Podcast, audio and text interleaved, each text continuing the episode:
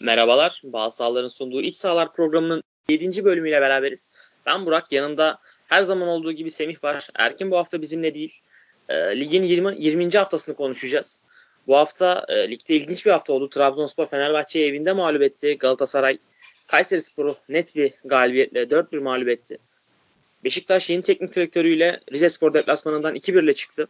Başakşehir tekrardan kendine geldi. Gençler Birliği'ne Gençler Birliği'ne karşı 3-1'lik bir galibiyet. Sivas Spor ciddi bir şok yaşadı bu hafta. 5-1'lik bir Gazişehir mağlubiyeti. Enteresan bir hafta. Alanya Spor şu anda Fenerbahçe'nin ve Galatasaray'ın önüne geçti. Yeni Malatya Spor karşısında 2-0'lık bir galibiyette.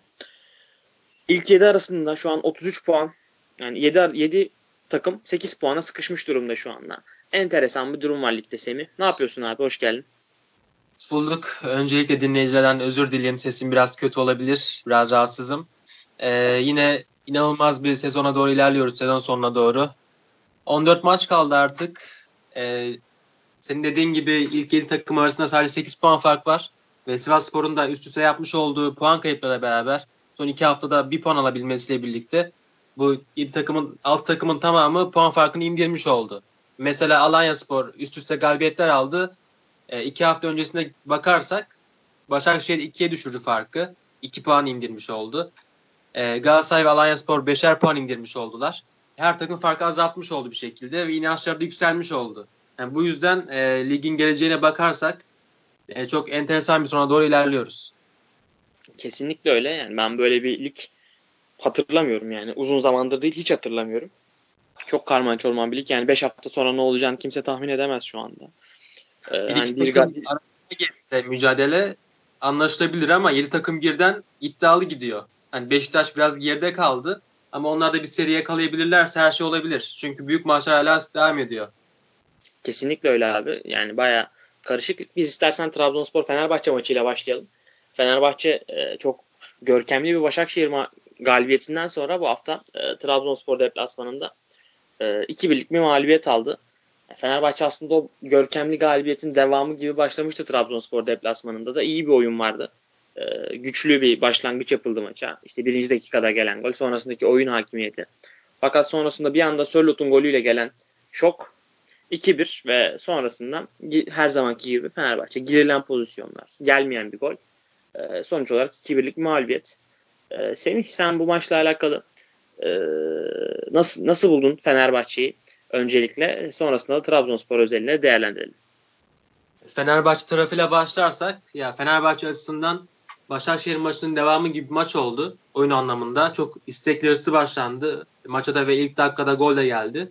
Takımda ama yenilen gollerde baktığımız zaman e, Sörlot'un bireysel performansının yanında savunmanın da Fenerbahçe savunmasının da bireysel sorunlarını gördük biz.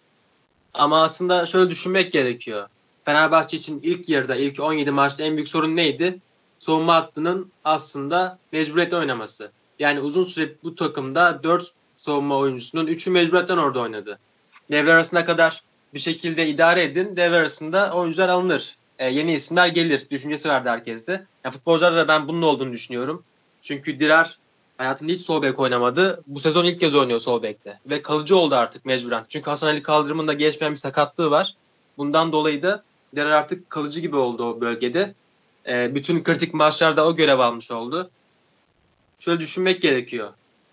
Devras bir sol bek alınabilseydi, Dirar takımın en iyi sağ beki, sağ beki o geçseydi ve stopere de e, Falet yerine gerçekten 11 kalitesinde değerli bir stoper, stoper alınabilseydi Serdar en azından Serdar kalitesinde varsayalım. Yani bambaşka olabilirdi Fenerbahçe'nin durumu. E, herkes mecburiyetten oynarken savunmada ve gollerin de bireysel hatalardan gelmesi bence gayet örtüşen bir durum. E, Fenerbahçe'nin canı çok yandı bireysel hatalardan. Yine aynısını gördük. Oyun anlamında gerekenler yapıldı ama e, bireysel hatalara engel olamayınca goller gelmiş oldu karşı taraftan, Trabzonspor tarafından.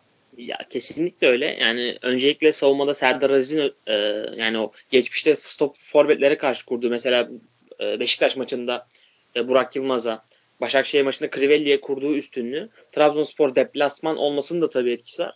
E, Sörlot'un da onlara göre daha fizikli, daha güçlü, daha yetenekli bir oyuncu olmasının da etkisi var. Ona kura, ona kuramadığını gördük ve e, Sörlot açıkçası biraz Serdar Aziz'in de dengesini bozdu bence bu maçta. Ki ilk yarının sonunda Serdar Aziz'in yaptığı o hani kırmızı kart verilebilecek bir hareket vardı ilk yarının sonunda. O hareketi de yapması Serdar Aziz'in bu maç biraz ayarı kaçırmasından dolayı aslında. Aynen Serdar öyle. Bence, e, siniri de bozuldu Serdar'ın. Çünkü ben ilk kez bu kadar e, bir forvete karşı ezildiğini gördüm deyim yerindeyse. Hiçbir şekilde fiziksel üstünlük kuramadı. E, Sorlot omuz atıyor Serdar'a. Serdar sendeliyor yere düşüyor. Tam tersi olsa Sorlot yerinden kıpırdamaz belki. Hani bu kadar güçlü fizikli oyuncunun bu kadar açık alanda süratli olabilmesi, bitiriciliğinin de iyi olması yani Sorlot çok üstünlük sağladı Fenerbahçe savunmasına karşı. Şimdi düşünüyorum kesinlikle. Vakayeme olsa ne olurdu acaba diye düşünüyorum. Ya mesela şey abi e, Serdar sadece fiziksel olarak üstünlük sağlayabildiği için karşı karşındaki forvete o fiziksel üstünlüğü sağlayamadığı anda bitiyor. Ya mesela Jailson bence Sörlot'a karşı ka- birebir kaldığı pozisyonlarda Serdar'dan daha iyiydi. E neden? Çünkü Jason zaten herhangi bir oyuncuya fiziksel üstünlük kurabilecek nitelikte bir oyuncu değil ama hamle çabukluğuyla e, Sörlot'tan daha seri bir oyuncu olması nedeniyle Sörlot'a karşı bence daha e, başarılıydı Serdar Aziz'e göre. Yani tabii normalde Serdar Aziz'den daha iyi bir stoper ve değil. Ama bu maçta e, ben Jason'u hani golde offside'ı bozan oyuncu. Ama gerçi sadece o değil. Başka bir oyuncu daha bozuyor sanırım. E, ama Jason ben bu maçta mesela beğendim. E, Ama kesinlikle haklı. Jason'ın ama iki yönü var işte. Yani dediğin gibi mesela açık oyunda Sorlot'a üstünlük kurabilir. E, bu pozisyonlarda üstünlük kurabilir. Ama mesela hava toplarında çok büyük ezilir Sorlot'a karşı. Ama şimdi Tabii, şöyle tabii. düşünelim. E, Direr, e, pardon Direr diyorum. Rami olsaydı mesela tam tersi olurdu. Açık oyunda çok kötü duruma düşerdi. Sörlot onu çok rahat geçerdi, ekarte ederdi. Ama hava toplarına belki bu kadar rahat vurdurmayabilirdi. Mesela Sörlot'un pozisyonu vardı. Neredeyse yani direkten dönen top 3 oluyordu ilk yerden. Fark iyice açılacaktı. Yani böyle pozisyon oldu, pozisyonlar olduğu zaman Sörlot hemen kalitesini belli etti, farkını belli etti. Ama Jason için de dediğimiz gibi oyuncu stoper değil, elinden geleni yapıyor. Ancak bu kadar. Yani yapacak da bir şey yok çok fazla. Ya, Trabzonspor açısından şunu söyleyebiliriz kesinlikle. Yani Fenerbahçe'nin 1-0'ı oynayamadığını gördük bence bu maçta. Ama Trabzonspor'dan 2-1'i bence ilk yarıda olmasa da ikinci yarı Gilerme'nin girmesiyle beraber topu Fenerbahçe'ye çok verdi. Pozisyon da verdiler. Ama bence Trabzonspor e, daha kontrollüydü. Daha hızlı zaman geçirdi. Daha çok tempoyu düşürdü. E, tamam belli bir yerden sonra 85'ten sonra 80'den sonra biraz kontak kapattılar. Ama e, Trabzonspor için hani psikolojik anlamda bence çok çok önemli bir galibiyetti bu. Yani, e, Trabzonspor karşısında hani Fenerbahçe'ye karşı da Trabzonspor'un ne kadar özel bir rekabet olduğunu biliyoruz arada. Trabzonspor için psikolojik anlamda çok önemli bir galibiyet ve ayrıca abi Trabzonspor'un fikstürü belki de bu 7 takım arasındaki en zor fikstür. Ve o fikstürde kendilerine biraz da olsun bir tık daha hata yapma e, imkanı tanıdılar. Çok değerli galibiyet ama şuradan da bakmak lazım aslında. Trabzonspor normalde iç sahada çok coşkulu oynayan rakibi boğan üstün olan taraf olur. Ee, bunu bütün saha maçlarında gördük. Rakip kim olursa olsun. Ama Fenerbahçe karşısında bunu aslında uygulayamadılar. Maçta öne çıkan isimler Sorot ve Uğurcan oldu bireysel performans olarak. Uğurcan'ın %100 pozisyonu kurtarması, Sorot'un bireysel fark yaratmasıyla attığı gollerle e, Trabzonspor galibiyeti almış oldu. Ve Trabzonspor'un da en çok şut gördüğü iç maçı oldu bu sezon. Hani bu taraftan baktığımız zaman da Fenerbahçe'nin doğru oyun planını sahaya sürdüğünü söyleyebiliriz. Tolga olayına gelirsek de ya bence bunun iki tane yönü var. E, Jason'da olduğu gibi. Tamam savunmaya çok iyi yardım ede, edebiliyor olabilir Tolga ve ediyor da zaten. Orta sahaya destek de olabilir. Pas oyununda katkıda bulunabilir. Bunların hepsini yapıyor. Hoca o yüzden Tolga oynatıyor. Kanatta oynatmak durumunda kalıyor. Ondan vazgeçmek istemiyor. Ama e, bu maçta olduğu gibi, önceki maçlarda olduğu gibi Başakşehir maçında da biz bunu gördük. Karşı karşıya net fırsatlardan yararlanamayınca hiçbir anlamı kalmıyor Fenerbahçe için. E, bu kadar oyunu hükmetmenin. Ya çünkü o, o girdiğiniz pozisyonları atmak zorundasınız. Yani başka şansınız yok galibiyet için. Böyle olunca da Tolga'nın olması bence önemli ama o, e, o pozisyonları kaçırdığı zaman yaptığı bütün artıların üstü çizilmiş oluyor. Bir faydası olmamış oluyor. Ben bu yüzden artık hocanın bu kararı tekrar gözden geçirmesi gerektiğini düşünüyorum Tolga konusunda. Ya öyle. Bence de öyle. Hatta ben artık şeyi oluyor bende. Yani Tolga Ciğerci karşı karşıya bir pozisyonda kaldığında hani e, heyecanlanmıyorum. Yani çok fazla. Ben şey diyorum, bakalım nasıl kaçıracak bu sefer. Aynen. Yani bu Trabzonspor maçında mesela çok yani çok kötü kaçırdı. Yani kaçırırsın gol ama yani bu kadar pozisyonu zora sokmanın mantığını çözemedim. Bu arada şey abi e, maçın benim açısından benim açımdan kırılma anı şeydi. Bu 62 ya da 63. dakikada bir pozisyon oldu. Sörlot sarı kartı varken Emre Belezoğlu Sörlot'u geçtiği bir pozisyonda Sörlot arkasından çekti. Net sarı kart bir hareket. Emre Belezoğlu eğer orada devam etmeseydi ve e, dursaydı, faulü alsaydı büyük ihtimalle Sörlot 60. 62 ya da 63. dakikada e, kırmızı kartla oyun dışı kalacaktı. Ama Emre Belezoğlu gibi 39 yaşında tecrübeli bir oyuncunun burada e, bunu düşünmemesi beni çok şaşırttı.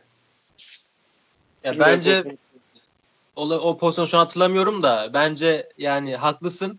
Yani şöyle bir durum var aslında. Benim açımdan Fenerbahçe'de 3 tane kanun var.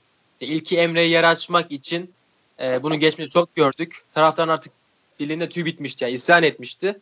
Emre'ye yer açmak için Ozan Hoca Kanada göndermişti. Denemediği aksiyon kalmamıştı ligin ilk yarısında 17 haftada. Zamanla mecburen bunun yanlış olduğunu gördü. Hani bu ısrarından vazgeçti. İki, ikincisi de bence e, Ozan oyundaysa oyundan alınamaz kanunu var. Ya yani Ozan tamam her maç süper oynayamaz. Bazen hatalar da yapar. Ama 17 haftada e, sadece bir tane maçta son 3 dakika oyundan alınmış Ozan. Oyn, e, oynadığı 17 maçta. Eğer bir maça 11 başlıyorsa bir şekilde maçı tamamlatıyor hoca. Çıkarmıyor oyundan. Mesela Trabzon maçını düşünüyorum ben. E, 2-1 geridesiniz. Bir şeyler değiştirmeniz lazım. Farklılıklar yapmanız lazım. Ama ben olsam daha farklı şeyler yapardım hamleler konusunda. Diren sol bekte çünkü öyle böyle idare ediyor. E, oyuna Mevlüt'ü almak lazım ya da farklı şeyler yapmak lazım. E, Deniz'i sağ kanada atabilirsiniz veya geriyi çıkarmazsınız çünkü geri ne olursa olsun takımda en yaratıcı oyunculardan biri. Bence birincisi Kruse ile birlikte çok iyiler yaratıcılık konusunda. Yani onun oyunda tutup Kruse'ye atabilirsiniz ya da Deniz'e atabilirsiniz, Ferdi'ye atabilirsiniz. Ya farklılıklar yapabilirsiniz. Ozan duracaksa da farklı şeyler yapabilirsiniz.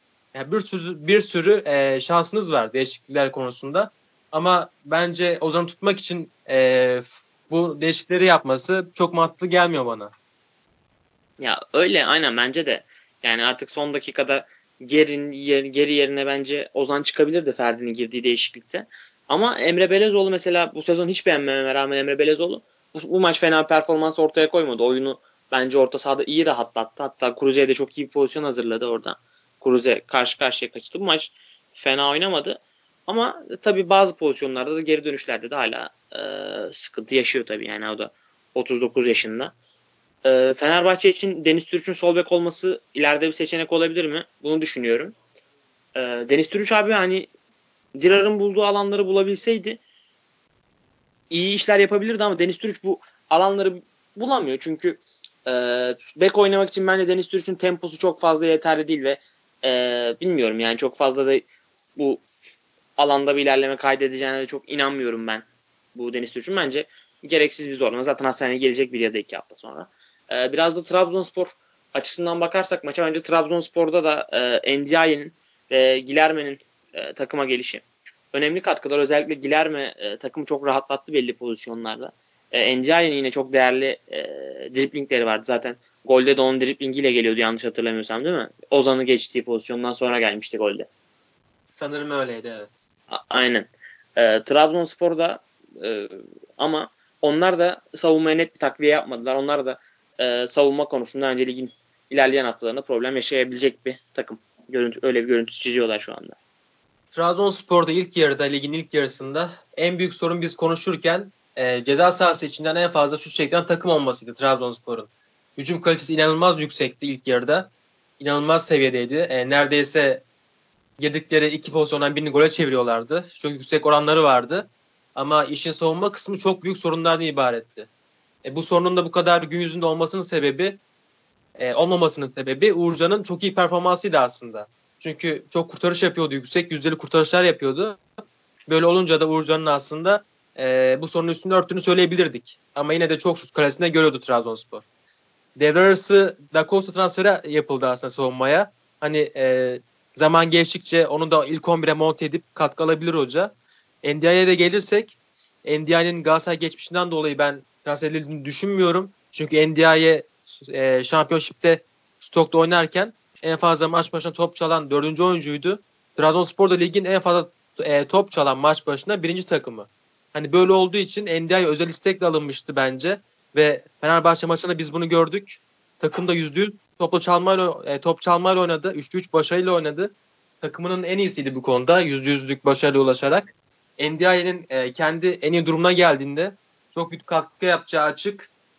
E, bu kadroya Vakeme fit şekilde eklenince gelecek haftalarda Trabzonspor'un bence çok büyük bir eksiği kalmayacak. Çünkü savunma yönünde biraz daha geliştirilmiş olacak NDI'nin iki yönünü iyi oynayabilmesiyle birlikte. Gelecekleri açık ama senin dediğin gibi çok zor maçları var gelecekte. Şimdi yani 6 maçları var. Alanya deplasmanı, Sivas deplasmanı, e, Beşiktaş deplasmanı, Galatasaray deplasmanı, Göztepe deplasmanı. Hani şu maçlardan hepsini kaybetsen e, şaşırtmazsın öyle söyleyeyim yani. Aynen öyle ya çok zor işleri. İlk yarıda Ünal Hoca'nın elinde e, iyi bir ya çok fazla sorun vardı. Çok fazla sakatlıklar yaşandı. Savunmada istenilen oyuncular alınamadı bence Trabzon seviyesinde. Mesela Da Costa ilk yarı gelseydi daha iyi şeyler olabilirdi Trabzonspor için. Orta sahada da çok eksikler vardı. Ee, bir sürü sorun gördük takımda. Hani ilk yarıyı daha iyi geçirebilseydi Trabzonspor liderliği alıp üstünde puan kayıpları yapsa sorun olmayabilirdi. Ama şu an onların da puan kaybı lüksü yok. Böyle hal olunca da e, bir an önce üst üste galibiyetler almak zorundasınız. Ama tabii dediğin gibi çok zor fikstüre giriyorlar. Aynen. Fenerbahçe adına daha bir şunu ekleyeyim. E, Trabzonspor yani bence maçın yıldızı Sörlot herhalde bunda herkesin fikirdir. Bence maçın hayal kırıklığı da Vedat Muriç kesinlikle. Ben Trabzonspor savunmasına karşı çok daha hareketli, çok daha iyi bir oyun çıkarmasını bekliyordum Vedat'ın. Ama çok e, silik bir maç çıkardı. Ben hiç beğenmedim Vedat'ı bu maç. E, Geri Rodriguez aynı şekilde bence yine çok silikti. Bu iki oyuncu silik olduğunda zaten mesela Kuruze takımın en iyisiydi bence. Kuruze ikinci yarı başladığından beri yükselerek müthiş bir performans çiziyor. Şu anda Fenerbahçe'nin Kevin De Bruyne'si gibi oynuyor Kuruze bence. Gerçekten çok iyi. Yani bu maçta da ben çok beğendim Kuruze'yi. Ama Vedat'la Rodriguez'in bu kadar silik olduğu bir maçta e, Fenerbahçe yine Fenerbahçe bence bu maç tabii ki bir Trabzonspor deplasmanında bir ligde muhtemelen bir takım bu kadar da bu da e, bu kadar iyi oynamayacak yani. Beşiktaş falan Trabzonspor deplasmanında çok kötü hallere düştü Abdullah Avcı'yla. Fenerbahçe tabii ki yani Trabzonspor'a karşı ezilmedi. Hatta iyi de oynadı ama e, Vedat'la Rodriguez de biraz daha takıma destek verse daha farklı bir maç olabilirdi. Geri beni çok şaşırttı. Ne sağ kanatta e, ondan bekleneni verebildi. Ne sol kanatta ondan bekleneni verebildi. Zaman zaman yer de değiştirildi e, etkisinin artması için. Ama bence en kötü maçlardan birini çıkardı. E, Vedat da aynı şekilde bence çok iyi değildi bu maçta. Bunun biraz da geriyle de alakası var. Vedat hareketli de elinden geleni yaptı sayılabilir ama e, gerinin ikili oyunlara girememesi ve arkadaşlarda etkisiz kalması, ondan beklenenin verememesi biraz Vedat'ı da bozmuş olabilir bu konuda. İlk yerde baktığımız zaman en büyük sorun Fenerbahçe'de e, tüm gol yükünün Vedat tarafından üstlenilmiş ol, olmasıydı. İkinci oyuncu çıkmamasıydı. Mas Cruze'nin gol atamadığından konuşuyorduk sürekli. En fazla e, bir isabetli şut çekebiliyordu maç boyunca. İlk yarıda hep bunu gördük biz. Galiba Şu sanıyorum. Aynen. 13 maçta galiba sadece iki kez iki isabetli şut üstünü çekmişti Max Kruse maçlarda. Şu an o problem çözülmüş gözüküyor. Gollerini de atmaya başladı. Ee, buna ek olarak da Vedat'ın da aynı şekilde devam etmesi gerekiyor. Max attıkça zaten ve geride iyi olduğu sürece Fenerbahçe'nin önü açık. Zaten son 8 hafta yanılmıyorsam tüm maçları İstanbul'da oynayacak Fenerbahçe. Ve e, Sivas Spor... Gençler bir deplasmanı var sadece. E, bir de e, Sivas Spor maçına kadar da 11 maçlık bir bölüm vardı. E, bu bölümde olabildiğince az puan kaybetmeleri gerekiyor. E, dün e, Trabzonspor maçındaki puan kaybı çok yaralayıcı olabilir. Ama hani görüyoruz ki Süper Lig'de şu an herkes herkes yenebilecek güçte. Sivas Spor iki haftada bir, bir kere puan kazanabildi, bir puan alabildi. Bu yüzden Fenerbahçe'nin acilen galibiyet serisi yapması gerekiyor. Bunu yaparken de e, olabildiğince oyuncuların alacağı katkıyı da kesinleştirmesi gerekiyor. E çünkü bu Tolga sorunu çözmesi gerekiyor takımın. Onun yanında artık Hasan Ali gelince nasıl bir düzen oynanacak? Jason artık kalıcı stoper mi? E, Falet kullanılacak mı? Altay'ın performansı, şut kurtarış yüzdesi nasıl yükselecek? Bir sürü sorun var Fenerbahçe'de. E, oyun ne kadar iyi olursa olsun bu sorunlar çözülmediği takdirde ilerleyen süreçte yine tartışmalar sürecektir bence. Çünkü Kesin, her galibiyette kesin. her galibiyette e, Tolga olsa bile olsun çok çalıştı, çok koştu gibi söylenler oluyor. Ama ilk puan kaybında Tolga yerden yere vuruluyor. Hani bu bir gerçek. Bunun artık değişmesi gerekiyor. Bizim Türkiye'de genel şey yani kazanınca her şey harika. Herkes takımdaki herkes müthiş. Kaybedince de abi herkes bu takımın oyuncusu değil oluyor. Ee, biraz mesela Vedat e, kart görmüştü, cezalı duruma düşmüştü. Yani kırmızı gördü yani e, bu hakkını kullanmış olduğu sistemdeki sorundan dolayı, TFF'nin düzenleme yapmamasından dolayı sezon başında. Bunu zaten konuşmuştuk geçmiş haftada. E, şu an baktığımız zaman mesela o maçta Fenerbahçe kazandığı için Vedat yerden yere vurulmuştu deyim yerindeyse kamuoyu tarafında. Aynı şeyi Gustavo yaptı bu maçta. Trabzonspor kazandığı için kimseden çıt çıkmıyor. Hani böyle bir durum da var. Herkes güne e, maça göre gününe göre konuşuyor. Bu çok büyük bir sorun e, Türk futbolunda. Ama değişmez gerçek Türk futbolunun. Kesinlikle öyle. Ya e, bir de şey var abi yani son dakikada hani Uğurcan'ın bence yapmış olduğu çok büyük bir hata vardı. Mesela maçın yıldızı Uğurcan şu anda. Maçın yıldızlarından biri. Ama son dakikada bence çok büyük bir hata yaptı. Hani Ali Palabıyık onun hatasını biraz örtmüş oldu o şekilde faal düdüğü çalarak. Hakemlerin de ben bu maçta tam ezbere bir düdük. Hakemlerin de ben bu maç ben bu pozisyonlarda pozisyon sonunu beklemesi gerektiğini düşünüyorum. Aynı offside pozisyonları gibi. Yani ben bu şey demiyorum kesinlikle. Yani Ali Palabıyık kasıtlı olarak yaptı. İşte çok Fenerbahçe doğrandı falan demiyorum. Ama hakemlerin pozisyon sonunu beklemesi gerekiyor. Tabii kesinlikle öyle. Zaten hani VAR'ın ilk sezonu olsa, ilk maçları olsa bu hatayı anlayabiliriz. Ezbere çaldılar diyebiliriz. Ama artık ikinci sezon bitmek üzere. İkinci sezonun sonlarına doğru geliyoruz. Ama hala bu aynı amatörlükte hatalar. Büyük sorun tüm takımlar için. Aynen öyle. Aynen öyle abi. Ee, istersen yavaştan Fenerbahçe maçını, Fenerbahçe Trabzonspor maçını kapatalım. Ee, Galatasaray Kayserispor maçına doğru geçelim. Ne dersin? Var mı tamam. istediğin Trabzonspor Fenerbahçe maçıyla alakalı? Başka yok. Bir de şunu söyleyeceğim abi. Ee, Trabzonspor Fenerbahçe maçında Fenerbahçe yenildi ama bence kalp kırıcı bir mağlubiyet almadı. Yani e, son dakikada gelen bir, bir gol oyun olarak ezilme vesaire çok özgüven kaybettirecek bir maç oynanmadı.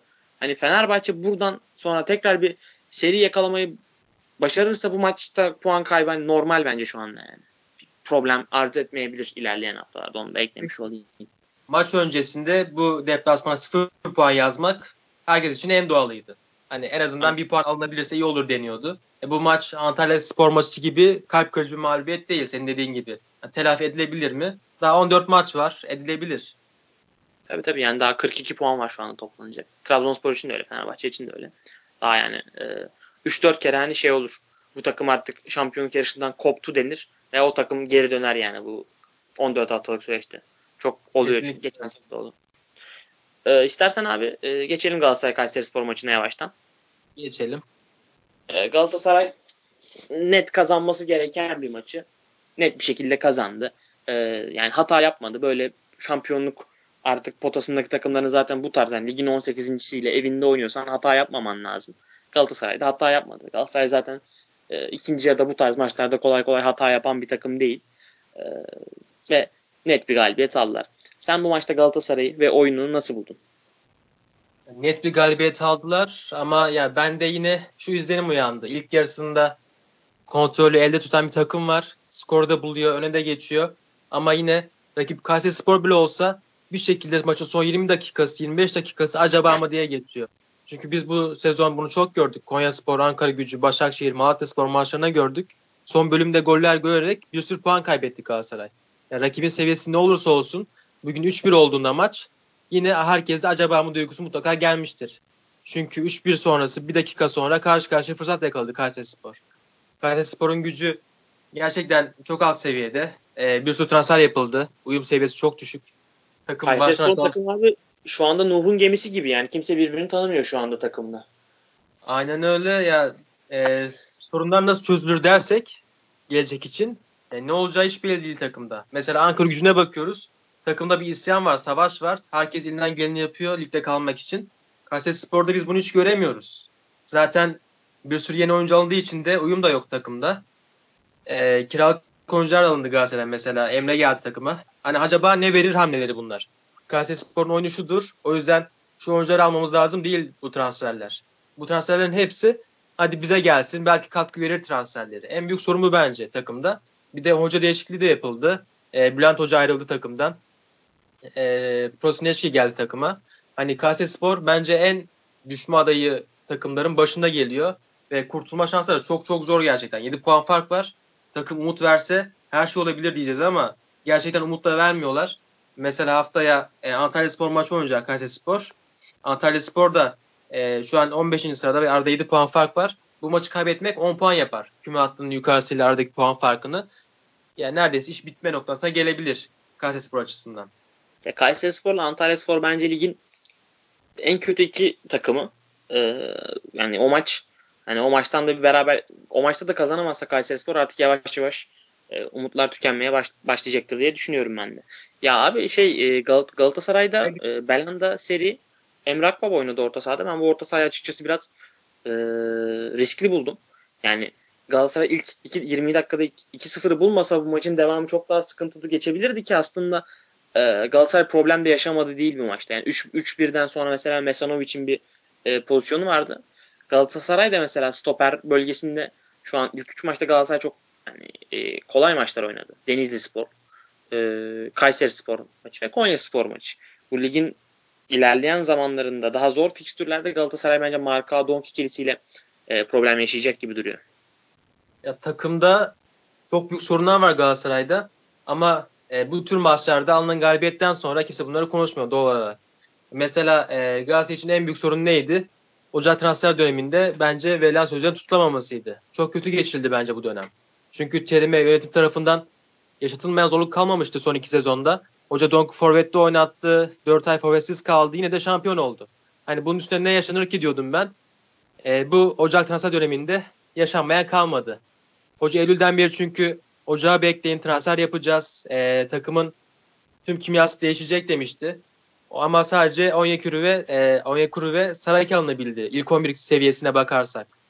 E, takımın en büyük sorunu stoper takviyesi yapılmaması mesela. E, stoperde Lündama'nın da hala sakatlığının sürmesiyle sezonu da kapattı sanıyorum. Yetişemez. Mayıs'ta gelirse gelebilir. Donk var, Marco var, Ahmet var. Hani bu stoper rotasyonuyla siz nasıl götüreceksiniz? Şampiyonluk yarışında olacaksınız. Hiç kolay değil. Hocanın da ya, e, varlığı bir yere kadar. Mesela hoca ne demişti? E, sağ bek takviyesi istemişti. Olursa Andone'nin gönderilip yerine forvet alınmasını istemişti. Duruma göre de e, bir kanat alınabilir demişti. E, bir de Arda konusu vardı. Tüm e, bu sorunla Arda konusuyla bütün Ocak ayı geçirildi. Hoca neredeyse istifa edecekti. O noktaya geldi yani. Arda'yı istemiyor olabilirsiniz. Hoca zaten saygı duyuyorum kararı demişti. Başkanın Arda isteme kararına saygı duyuyorum demişti. Arda'nın e, başkan toplantı yaptı. Konuyu tamamen kapatacağı yerde e, ben izlerken şok oldum. Ne kadar söylememesi gereken şey varsa hocaya söyledi e, Başkan Cengiz. Yüzüme konuşmadı dedi. Florya'da yanıma gelmedi dedi. Arkamdan konuştu dedi. E, Birçok yaralıcı cümle kurmuştu. Hocanın yanıtısa, e, yanıtı ise taraftara sözüm var olmuştu. İstifanın eşinden dönüldü Arda konusu yüzünden. Ya bunun üstüne e, bu toplantı sanıyorum 24 Ocak'ta yapılmıştı. Daha bir haftanız var transferin kapanmasına. Ama bir hafta geçti kimse alınamadı. Ne bekler gönderilebildi ne de transfer yapılabildi. Son günlerde ise sen de biliyorsun Semih Kaya geliyordu. Son saniye direkten döndü bu olay. Ya Abi çok baştan, neler yapılıyor. Ya baştan sonra bir iletişim faciası dediğin gibi bu olay. Ya bir de geçen sene geçen hafta mesela Galatasaray Konya maçında bir puan kaybı yaşasaydı Fatih Terim bu hafta içinde istifa bile edebilirdi. İstifa ya bile zorlanabilirdi çünkü gerçekten yönetimle ipler şu anda çok e, hassas bir denge var ve şu anda Galatasaray'ın yani galibiyeti dışında bir sonuç tekrar bu kavgaları, bu problemleri gün yüzüne çıkarabilir. Şu an yani problemler geçmiş değil, sadece hasır altı edilmiş durumda. Üstü kapatılıyor senin dediğin, dediğin, e, dediğin gibi. E, çünkü taraftar kim inanıyor? Fatih Terim inanıyor. Hocanın da buradaki e, yaşadığı süreçte eğer başka bir durum olmasaydı yani taraftara sözüm var demeseydi başka bir şey olsaydı mutlaka istifa eder bırakırdı. Hoca çünkü en kolay şey Fatih Terim için görevi bırakmak olur. Çünkü artık kazanacağı bir şey de kalmamış, kanıtlayacağı bir şey de kalmamış hocanın. Ee, evet. Galatasaraylılıktan dolayı takımda duruyor. Bundan dolayı da elinden geleni yapmaya çalışıyor. Tam birlik olmak gereken zamanda Galatasaray açısından cami olarak siz böyle açıklamalar yapıyorsunuz. Hocaya baskı altına alıyorsunuz. Ee, diyorsunuz çeşitli açıklamalar yapıyorsunuz. Ama e, şu an duruma baktığımız zaman artık her şey yapmak zorunda Galatasaray. Galibiyetler almak için. Peş peşe e, seriler yakalamak için. Kesinlikle Bugün mesela, mesela Git söyle abi. E, mesela takıma baktığımız zaman e, geçen sezon Feguli e, 7 gol 6 asist yapmıştı. Bunun tamamı Aralık sonrası gelmişti. Geçen sezon şampiyonluğun en önemli adamlarından biriydi Feguli. Bugün biraz da onu kıpırdanmış gördük. E, biraz da iyi gördük. İki tane de gol attı bugün. Eğer şampiyonluk gerekiyorsa Feguli'nin e, şampiyonluk moduna girmesi şart. Yani girmeli demiyorum, girmek zorunda Feguli aslında. Çünkü onun vereceği katkı çok çok önemli. Dördüncü golü oldu bu sezon, bu sezon ligde attı. Üçü Aralık sonrası gelmiş oldu. Aralık sonrasında çok farklı oynuyor Feguli. E, bugün de çok iyi işaretler vermiş oldu gelecek açısından. Onun bir an önce kendine gelmesi lazım. Onyekuru girdi bugün. E, iyi de performans gösterdi. Hemen katkısını verdi. Onun da iyi oynaması lazım. Diğer taraftan da Belhanda'ya bakıyoruz. Hala bence istenen seviyeden çok uzak. Ama bir an önce gol katkısı, skor katkısı, asist katkısı yapmak zorunda. Galatasaray'ı uzun zamandır e, bir şekilde götüren isim ise Emre Akbaba olmuştu. Sakatlıktan sonra 5 e, maça çıktı 4'ünde gol attı direkt. Hani tamam transferler yapılamadı, hocanın istekleri olamadı. Stoper sorunu hala sürüyor. Beklerde hala sıkıntılar var. Saraki'nin alınması çok iyi oldu. O ayrı konu. Ama Emre Akbaba'dan da böyle bir katkı gelmeseydi bugün belki kötüydü ama yani belli ki çok iyi performans verecek Emre Akbaba.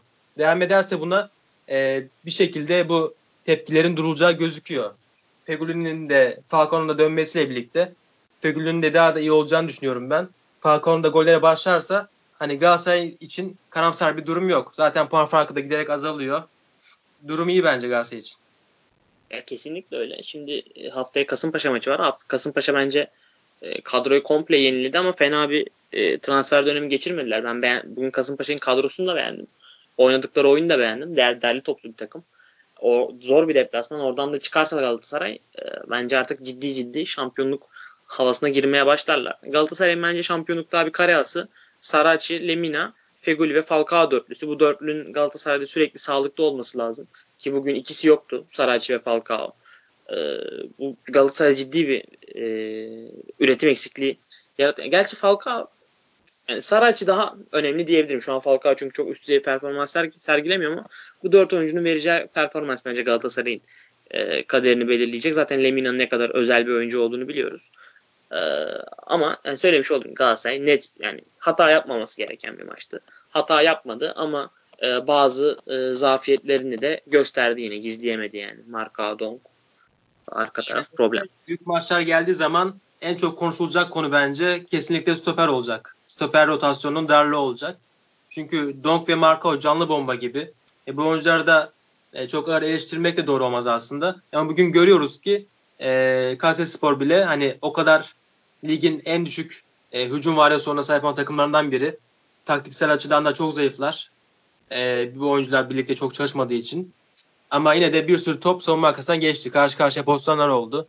Muslera'nın yüzünden dönen bir top var. E, suratına, e, suratına çarpan bir top da var. Yani buna rağmen Kayserispor net fırsatlar yakalamış oldu. E, Galatasaray açısından en büyük problem savunma rotasyonunun darlığı gibi gözüküyor. Gelecek haftalarda çok konuşacağız biz bir sorunu. Kesinlikle öyle abi. Yani ligde bence şey yani şu anda ilk yarıya göre çok daha zor bir lig var. Mesela Kayserispor şu an liginde en dib, ligin en dibinde ama arena deplasmanında baktığın zaman bence ilk 20 dakika dışında abi fena top oynamadılar. 4-1 yenildiler ama o ilk yarıdaki gibi dağınık değiller bence şu anda. Biraz daha yani Prosineski biraz toparlamış takımı. Zaman gerekiyor onlar için işte. Yani bu oyuncular yeni geldiğinde zaman yok işte problem var. Ee, o zaman yok işte diyorum öyle problem var. Evet. Yani bekleyene kadar sezon bitiyor. Haftaya bir an önce çünkü reaksiyon gerekiyor. Antalya Spor maçı ölümcül hayati bir maç Kayseri Spor açısından. İç sahada oynuyorsunuz. Ne yapıp edip yenmek zorundasınız. Yani başka seçenek yok. Kesinlikle öyle.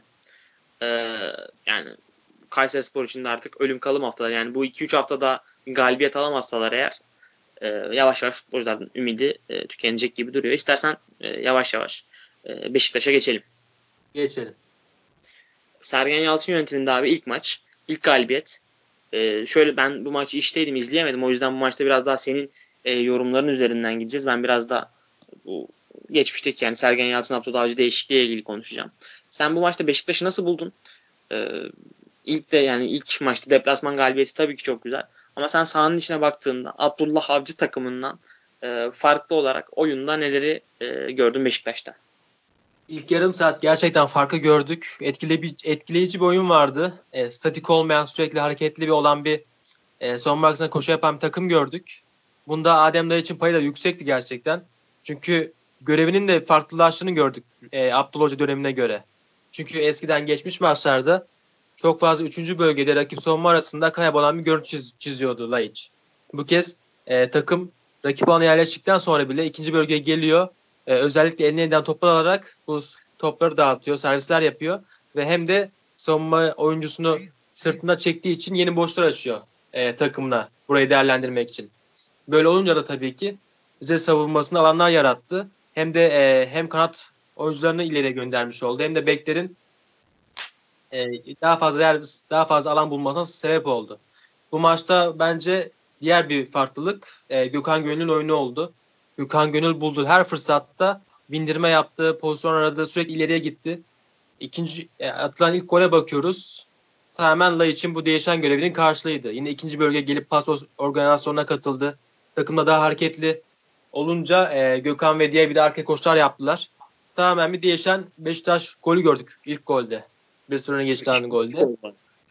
E, rakip ceza alanının çevresinde e, rakip bozacak şekilde hareketli kısa paslar yapınca son markasına koşular yapınca Beşiktaş gerçekten ilk yarım saat etkiledi e, izleyenleri. Ama Beşiktaş'ta en büyük sorunlardan biri tabii ki savunma hataları, bireysel hatalar ve Karius'un dikkatsizliği oldu. Konsantrasyon düşüklüğü oldu. E, zamanlama hatası yaptı Karius. Respor golü böyle geldi. Respor golü aslında ben geliyorum demişti. E, Respor'da Skoda gibi çok tecrübeli, ne yapacağını iyi bilen, e, tecrübesinin çok yüksek bir oyuncu var. Sevgisi de çok yüksek. Böyle olunca da Beşiktaş aslında durduk yere gol yedi. Gol yemiş oldu. Beşiktaş tarafında 30'a 70 arasında pek iyi olmayan bir oyun gördük. Ortama bir oyun gördük. Bize bu bölümde bekleyerek oynadı. İkinci yarı Umar'ın karşı karşıya çok net pozisyonu kaçırdığını biliyoruz. Çok net fırtına attı. Değerlendiremedi Umar Amyon'u. Ya bence Beşiktaş için e, değerli bir galibiyet oldu. Çok değerli gal- galibiyet oldu. Değişen oyunda Burak Yılmaz'ın daha birinde oynadığını da gördük. Takım gerçekten hareketliydi. Ama bireysel performansın düşüklüğü, e, çok kolay hatalar yapılması yine e, törpülenmesi gereken bir konu ama bir türlü düzelemiyor bu konu. Hoca da maç sonu sanıyorum demişti Sergen Hoca. E, zaman gerek. Çok zor zamanlardan geç futbolcular. Anlayış istiyorum demişti sanıyorum. Ben öyle hatırlıyorum. Ama diğer tarafa baktığımız zaman da İsmail Hoca daha iyi hamleler yapabilseydi maç bambaşka hale gelebilirdi. Çünkü Beşiktaş savunması çok dağınıktı. Kötü performans gösteriyordu. Üstüne gitmek çok mantıklıydı. Çok gereken bir durumdu. Ama bunu yine beklemeyi seçtiler. İlk yarıda mesela biz hep bunu konuşuyorduk Süper Lig'in ilk yarısında. Takımda forvetsizlik vardı. Bu söz konusuydu. Ee, ama artık Skoda var. Toplu toplu oyunu çok iyi oynuyor Skoda. Takımını ileri taşıyabiliyor. Ee, geriye toplar geriye geriye toplar alıyor. Çok kaliteli forvet. 3 ee, üç maç 3. golünü de atmış oldu. Ondan faydalanırken de yapılacak hamlelerle daha farklı bir takım görebilirdik aslında bu maçta. Mesela e, Rize Spor'da ben oyuna Sasen'in girmesini bekleyebilirdim. Ya da e, Boryaçuk oyuna daha erken girebilirdi. Farklı değişiklikler yapılabilirdi. E, rakibin üstüne gidilseydi yani çünkü, çünkü Gökhan Gönül sürekli ileriye çıktı.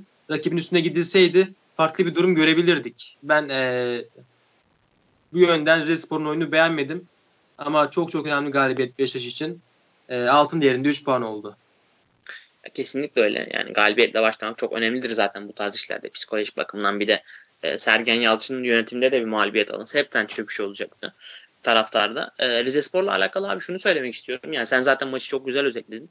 Ben Rize Spor'la alakalı şunu söylemek istiyorum. İsmail Kartal'ın bence e, bir tık daha cesaretli olması gerekiyor. Çünkü yani ben Sivas Spor maçında mesela Rize Spor'un çok iyi futbol oynadığı bir sekans vardı fakat İsmail Kartal yanlış hatırlamıyorsam Oğulcan'ı ya da diğer kanatta oynayan oyunculardan birini çıkarıp Garmaş'ı aldı oyuna ikinci yarıda ve e, daha çok baskı yiyen bir Rize Spor izledik. Yani Rize Spor bence yetenekli oyuncuları olan, iyi bir forveti olan bence orta sahada Oğuz Kağan'ı kesinlikle kullanması gereken bir takım. E, bun, bunları yaptığında Rize Spor hani solda Melniyak abi, sağda işte Morozyuk, işte Sassen var. E, Oğulcan bence çok yetenekli. Umar, Skoda. İyi, iyi bir futbol oynayabilir Rizespor. Rizespor bence bundan fazlasını yapabilecek bir takım. Ama İsmail Kartal'ın bu potansiyelin ben farkına varıp e, bu takımın biraz daha e, zincirlerini çözmesi gerektiğini düşünüyorum. Çok doğru söylüyorsun ya. Benim maçta şaşırdığım bir an oldu. Hatta birçok an oldu. E, bunları da başrolde, bu konularda başrolde Umar Aminu vardı yine. Çünkü hoca ona e, Gökhan'ı tutma konusunda görev vermiş. Yani savunmaya yardım et, Gökhan Gönlü engelle demiş. Ama Umar bunu hiç sevmiyor. Bazı pozisyonlarda geriye yürüyerek dönüyordu. Gökhan bindirme yapmış, topu almış. Acaba ne yapacak diye Umar da izliyordu. Hani başka bir oyuncu olsaydı orada bu görev başka oyuncuya verilseydi Gökhan'ın etkinliği azala, azalabilirdi. Zaten ikinci golde Gökhan attı. Yine bomboş kaldı o pozisyonda. E, Umar yerine oraya farklı bir oyuncu çekilebilseydi başka durum görebilirdik Rizespor için. Hani gol geliyorum demişti. Gerçekten de oradan geldi gol. E, İsmail Hoca oyunu daha iyi okuy- okuyabilseydi e, kesinlikle maçta çok iyi çalışıyorlar. E, buna hiç şüphemiz yok. Tüm e, gerekenleri oyuncularına söylüyorlar. Önlemleri de alıyorlar. Ama izlerken biz çok net fark ediyoruz ki hani daha farklı denemeler yapılsaydı, daha farklı e, görevlendirmelerde bulunulsaydı sonuç farklı olabilirdi. Kesinlikle öyle. Yani Sivas Spor maçında da Umar'ın kanadından çok gelmişti. Sivas Spor gerçekten savunmasına yardım etmeyi sevmeyen bir oyuncu Umar. Ee, İsmail Hoca'nın da o konuda farklı bir şeyler düşünmesi lazım. Ee, son olarak abi maçtan farklı olarak şunu ekleyeceğim. Yani Sergen Yalcı, Abdullah Avcı, Abdullah Avcı'nın e, kovulması konusunda. Abdullah Avcı'nın Beşiktaş performansı e, çok iyi miydi şu ana kadar? Değildi. Çok kötü müydü? Bence çok kötü de değildi. Tamam son 7 maçta alınan 6 mağlubiyet var ama futbolun içinde bunlar bazen olabiliyor ve Beşiktaş'ın eline herkes takdir eder ki Abdullah Avcı'nın eline çok müthiş de imkanlar verilmedi. Ee, Abdullah Avcı'nın gönderilmesi bence yönetim açısından çok doğru bir karar değildi. Ee, Sergen Yalçın ne kadar Beşiktaş taraftarı sevse de herhangi bir kulüpte bir sezonu tamamlayamamış bir hoca ve e, taraftarı mutlu etmek ve heyecanlandırmak için ben e, teknik direktör değişikliği yapılmasını çok doğru bulmuyorum. Çünkü e, taraftarın heyecanı çok e, dinamik bir şey. Yani Sergen Yalçın Rize Spor maçında ve ardından bir maç daha kaybetse taraftarın heyecanı yine yok olabilirdi zaten. Yani bu, bu e, kafanın bu klişelerin çok sağlıklı olduğunu düşünmüyorum. Ya Abdullah Avcı'ya e, bu kadar hızlı ondan vazgeçmenin de biraz saygısızlık olduğunu düşünüyorum açıkçası. Benim bu konudaki kişisel yorum. Ya şu an biz düşünsek mesela e, Abdullah Avcı'yı getiriyorsunuz. Ne yapmanız lazım diye sorsak birilerine. Onların yüzde yüzü bence hepsi der ki bu hocaya zaman verin. İki sezon en az üç sezon sabredin. Çünkü bu adam projelerle gelmiş bu adam. Kariyerindeki 17 yılda hep bunu denemiş bu e, teknik direktör. Siz 3-4 ayda tamamen e, kesin kararı verip hocayı yollarsanız ve başarısız derseniz zaten kendinizde çalışmış olursunuz. Mesela Abdullah Avcı ayrılık zamanında bir açıklama yapmıştı. Taraftar'a teşekkür etmişti. Arkamda durulmadı gibi e, sözler söylemişti. Yani biz öyle algılamıştık. E, yeni yönetimden destek göremediğinden dem vurmuştu. Bence Abdullah Avcı doğru isimdi Beşiktaş için ama yanlış zamanda geldi. Çünkü hayalindeki e, proje oluşturabilecek, takım oluşturabilecek ne finansal e, düzen var takımda ne de ona sabredecek taraftar ve yönetim vardı. Çünkü 3 maç kazanıyorsunuz e, ya da şöyle diyelim 8 maçta 22 puan alıyorsunuz. Herkes bravo hocam diyor arkandayız diyor. 3 maç kaybettikten sonra krize girdiğiniz anda istifa sesleri duyuyorsunuz. E, böyle olduğu zaman da Abdullah abi zaten göreve getirmenize gerek yok. Siz hocaya sabredeceksiniz, zaman vereceksiniz. 200 sezon zaman vereceksiniz. E, hemen ilk başladığı andan itibaren şampiyonluk istemeyeceksiniz. O zaman Abdullah Hoca sizi zaten istediğiniz hedeflere gelecek sezonlarda götürebilir. Ama Abdullah Hoca'nın bence burada bir kritik hatası oldu. İlk geldiğinde e, ben destek istiyorum zaman istemiyorum demişti. Bence bu çok önemli bir hataydı. E, çünkü takımın durumunu da biliyoruz. E, büyük sorunlar var finansal açıdan da. Ona zaman verilseydi, bir iki sezon sabredilseydi bence karşılığı alınabilirdi. Biz bir yandan Sergen Yalçın'a bakıyoruz. E, mesela e, Sergen Yalçın'ın kariyerine baktığımız zaman da bir takımda uzun yıllar çalışıp bir proje gerçekleştiren bir isim göremiyoruz. E, her takımda hatta şöyle bir durum da vardı. Kariyerinde 24 maç ve üstü sadece bir kere takım çalışabilmişti Sivas Spor'da. Onun dışında kariyerin geline baktığımız zaman da 8 farklı dönem çalışıp takımlarda sadece bir kez geçebilmiş oldu 24 maçı.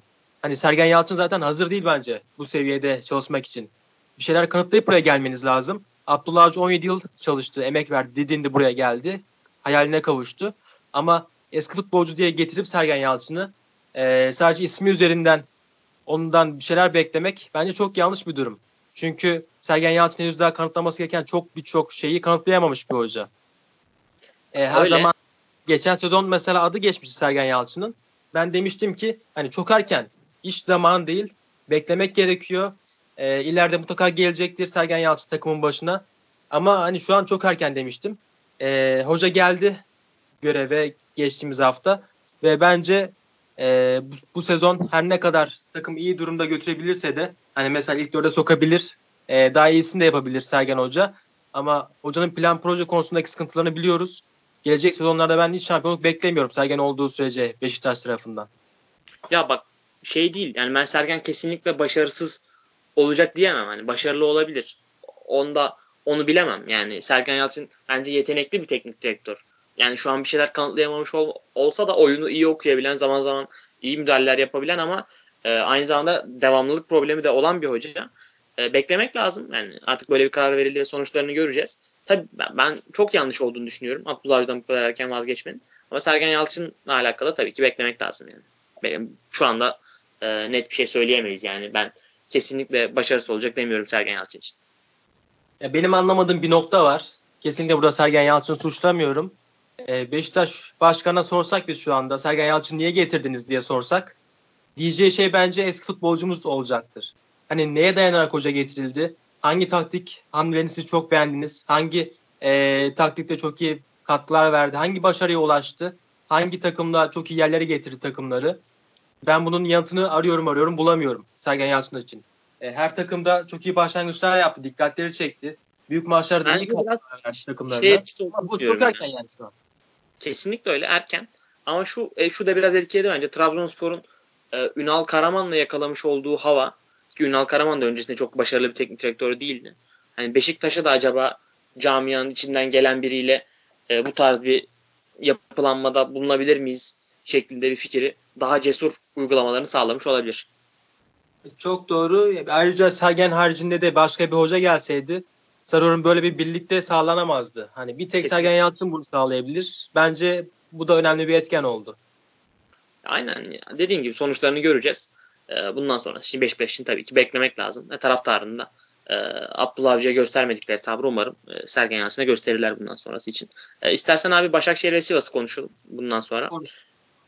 E, öncelikle Başakşehir Gençler Birliği maçına geçelim. Başakşehir 3 birlik bir galibiyet aldı. Hani sonuç olarak e, net bir skor ama e, ben Başakşehir'i bu maçta hiç beğenmedim. E, eminim sen de çok e, beğenmemişsindir. İrfan Can'ın olmaması takımı çok kötü etkilemiş. E, hiç yani o Başakşehir'den beklediğimiz pas trafiğini kuramadılar. E, oyunu domine edemediler bence. Vişya'nın biraz e, bitiricilik becerisi. Crivelli'nin bence müthiş oyunu. E, onlara galibiyeti getirdi. Gençler Birliği'nde çok önemli eksikleri vardı. Sio, Sesenyon ve Stanko yoktu yani neredeyse. E, takımın en önemli 3 oyuncusunun 3'ü de e, yoktu. E, o yüzden Başakşehir'den çok iyi sinyaller almadım bu maçta. Tempo olarak hiç beğenmedim. E, ama yine de tabii ki e, kendilerini o ön hatta tuttular abi. Sen ne gördün saha içinde Başakşehir'le alakalı? Çok doğru tespitlerde bulundun. Benim de şöyle ekle, eklemeler yapabilirim aslında.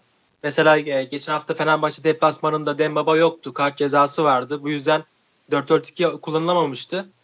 Ama bu maçta yine 4-4-2 gördük takımda. Okan Buruk tarafından. E, son 5 maçın 4'ünde de bu sistem kullanılmış oldu. Bu formasyonu kullanırken de e, tamam çok pozisyona giriliyor. Ama bu maç girilemedi. Niye girilemedi? Çünkü takımın en kritik oyuncusu İrfan Can yoktu bu maçta. Azubuke ile Mahmut orta sahası vardı. Ama bu oyuncuların da orta sahayı kaldıramadığını, pas e, istasyonlarını kaldıramadığını gördük. Çok durağan kaldılar, statik kaldılar. İrfan Can'ın en fazla arandığı maçlardan biri oldu bu maç. E, çünkü İrfan topu alıp dikine giden driplik yapan, bu oranın da çok yüksek olan bir oyuncu. Yeni alanlar açarak arkadaşlarını hareketlendiriyor. E, bu yüzden takım çok etkilendi onsuz e, o olmayınca. İlk yarıdaki oyunu görünce aslında hani ben bir Alex çağırması beklerdim Okan Hoca'dan. Bunu tercih etmedi. E, ama bu da farklı bir yön aslında. Takımın kendi sorununu kendi çözmesini istedi diye algılayabiliriz. Farklı bir şey düşünmüş olsa gerek hoca bu maçta. Çünkü e, zaman zaman oyuncu değişikliği hakkınız kalmayabilir. E, sıkıntıya girmiş olabilirsiniz. Ama takımda sahada yer alan oyuncular bir şekilde sorun çözmesi gerekiyor. Bu maçta biz bunu gördük aslında. E, çünkü e, Alex için ben oyuna girmesini beklerdim. En mantıklı buydu çünkü. E, buydu. Gulbrandsen'in de girmesini beklerdim. Erken zamanlarda ikincinin hemen başında. Bu tercihler çok geç yapıldı. Skor alındıktan sonra yapıldı. Ama Gençler Birliği'nin de e, maçı çok iyi hazırlandığını söylemek gerek aslında. Hamdi Hoca dersinde çok iyi çalışmış. E, Bayyan olsun, Erdem olsun. Bu oyuncular top ayaklarına geldiklerinde ilk anda ilk yaptıkları şey e, sağ kanatta kim hareketli, savunma arkasında kim koşu yapıyor. Bir an önce topu 3. bölgeye göndermeye çalıştılar. İlk yarı Bayern'ın attığı pasların %50 zaten 3. bölgeye atılmıştı. E, bu maçta gayet iyi hazırlandıklarını gördük biz. Ama en büyük sorun takımda e, Polomat'ın bireysel performansı oldu. İnanılmaz amatörlük denilen bir gol vardı e, Vizca'nın attığı. e, ne zamanlamayı ayarlayabildi Polomat, e, ne kademeye girebildi, ne çalım yedikten sonra tekrar toparlanabildi. Gerçekten bireysel problem çok yüksekteydi Gençler Birliği açısından. Yoksa buradan bir puan dönmek sürpriz olmaz benim açımdan. Kesinlikle öyle abi. Hamza Hamzoğlu zaten bence Gençler Birliği Gençler Birliği kadrosu gerçekten hani e, kötü bir yani kötü kadro değil ama lig seviyesi için bence ligin en iyi ilk 14 kadrosundan biri değil. Yani son 3'te ya da 4'tedir Gençler Birliği'nin kadrosu. Bence Hamza Hamzoğlu gerçekten e, iyi verim alıyor o kadrodan. Hani Stanko'ya 11 gol attırdı. Daha ötesi yok bence. E, onun dışında Vişça önemli bir problem çözücü. Yani İrfan'la beraber bu takımın önemli iki, iki tane problem çözücü oyuncusu bence. E, Vişça geçen sene son düzlükte e, takımına bence yeterince katkı sağlayamamıştı ama bu sene e, telafi etme şansı var. Şu anda gayet iyi oynuyor. Bu maçta da bence bu maçı çözen isim bir şeydi. Hani Crivelli'nin çok etkili oyununa rağmen. Bakalım onlar da e, bir şekilde galip geldiler evlerinde. Önemlidir böyle e, bu ezi, çok kötü bir mağlubiyet aldılar çünkü Fenerbahçe karşısında. Buradan bu şekilde dönmek güzel. Haftaya Sivas Spor maçı var. Hem Sivas Spor için 5-1'den sonra hem Başakşehir için önemli bir test maçı olacak. Fark 2'ye indi ama gerçekten çok zorlu fikstüre giriyor Başakşehir. Sivas maçından sonra Beşiktaş maçı ardından e, Sporting Lisbon maçı sonra bir de Rize Spor deplasmanı. Bu maç e, bu bölümde bu süreçte kırılma yaşayabilirler ama e, ligde baktığımız zaman en kırılma yaşamayacak takımların başına bence Başakşehir geliyor olabilir. Çünkü bütün oyuncuları e, bu yüksek tecrübeye sahip oyuncular. E, ne yapacaklarını çok iyi bilen oyuncular. Çok fazla problem çözücü oyuncu var. E, mesela e, Avrupa'da e, farklı oyuncu oynatıyorsanız, e, İrfan oynatıyorsanız ligde Berkay oynatırsınız. Ya da ne bileyim Avrupa'da Metropol oynatıyorsanız ligde tek demir oynatırsınız. Yani takım aslında geniş bir kadroya sahip. Bu yüzden e, bu süreçte yıpranmadan atlatabilirler. Ama gerçekten e, kısa vadede Sivas ve Beşiktaş maçları biraz durumu değiştirebilir. Çünkü ilk iki sıraya kaybederlerse ilk puan kaybında bu yaşanacak muhtemelen. Çünkü herkes birbirinin puan kay- kaybetmesini bekliyor e, üst sıraya geçmek için. E, sendeleme görebiliriz takımda. Kesinlikle Ben Başakşehir'in zaten bu sene e, Avrupa'da e, ilerlemesini istiyorum. Sporting Lisbon'da Bruno Fernandes'i kaybettiler ki e, Sporting Lisbon için takımın neredeyse yarısı e, Bruno Fernandes. E, Başakşehir için bence orada da önemli bir şans bu.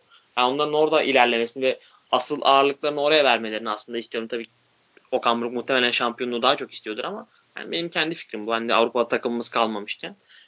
Başakşehir için bakalım göreceğiz yani zor fikstür. Bayağı zor fikstür. Aslında konumuz değil ama ona da deneyelim istersen. Lisbon şu anda zaten e, Braga'ya yenildi. O yüzden de en iyi oyuncularını kaybetmiş olmalarından sonra ligde şu an çok kritik noktadalar. Avrupa kupalarını kovalıyorlar. İlk dört içinde olmak istiyorlar. Bu yüzden de onlar önemli olarak ligi önemsiyorlar. Hani Başakşehir'in fırsatı çok yüksek bu konuda. Eğer az kadro çıkıp maçı çok önemli önemli hale getirirlerse yani çok e, sahiplenirlerse maçı Başakşehir tarafı e, elenmeyecek rakip değil. Şu an içinde bulunduğu durum itibariyle. Savunma hatları falan çok sıkıntılı. Yani Mathieu ile e, Coates ikilisi bence e, Crivelli zorlar o ikiliyi yani ve e, baş, Sporting Lisbon'un mentor olarak da son 4 hafta son 5 haftada sanırım e, Porto ve e, Porto'yu içeride kaybettiler. Benfica maçı içeride mi dışarıda mı bilmiyorum.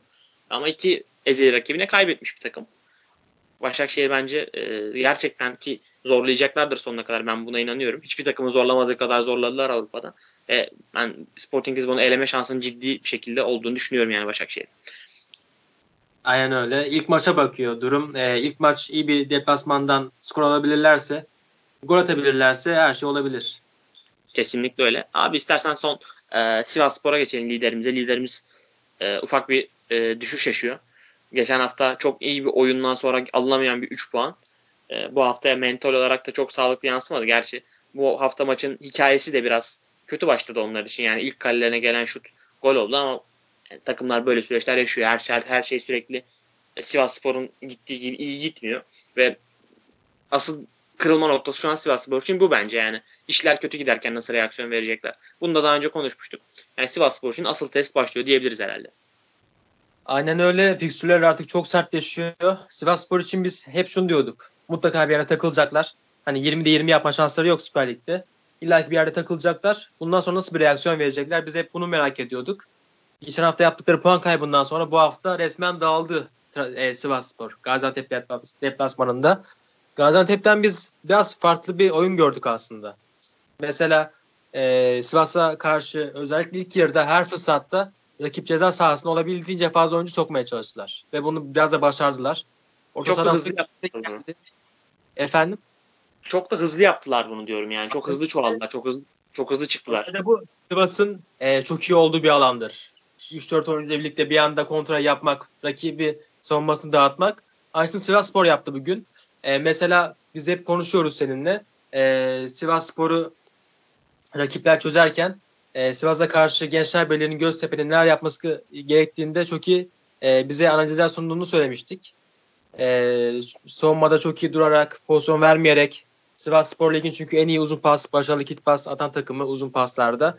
Onların e, onlara geride boş alan vermeyince en iyi alanlarını kitlemiş oluyorsunuz. Tüm hatları birbirine yakın tuttuğunuz zaman Sivas kitleniyor büyük oranda. Ama bu sefer Göztepe, e, pardon Göztepe diyorum Gaziantep hem e, bir miktar bunu yaptı hem de e, olabildiğince hücum yapmaya çalıştı özellikle ilk yarıda. Ama şunu da belirtmek gerekiyor. Alexandru Maxim inanılmaz bir top oynadı. Fark yaratan oyuncu o oldu bence. Ya kesinlikle öyle. Yani Gazişehir orta sahasında zaten hani ilk yarı şeydi abi. Orta sahada topu alan sağına soluna bakmadan ileriye doğru koşmaya başlıyordu. O üç oyuncu da orta sahada oynayan. Şu an bu kadar böyle e, akıllı bir oyuncunun orta sahaya girmesi acayip bir fark yaratmış. Bence e, diğer oyuncu Andre Souza da e, fena değil. O da e, ayağa top yapan bir oyuncu. Onlar da çok şey değişecek, değiştirecektir bu transferler. Tabii çok yani çok 0.87 gol beklentisinden 5 gol çıkardılar. Şu ana kadar Süper Lig'de bir rekor bu. Bu gol beklentisi hesaplandığından beri. Onlar için de çok yani çok şanslı bir maç tabii ama e, belli şeyler gösterdiler ve e, yani Sivas, Sivas Spor'un aslında içeride Fenerbahçe'ye Beşiktaş'a yaptığını e, bir bakıma Sivas Spor'a yaptılar diyebiliriz değil mi? Ya onu söyleyebiliriz. Şunu da söyleyebiliriz.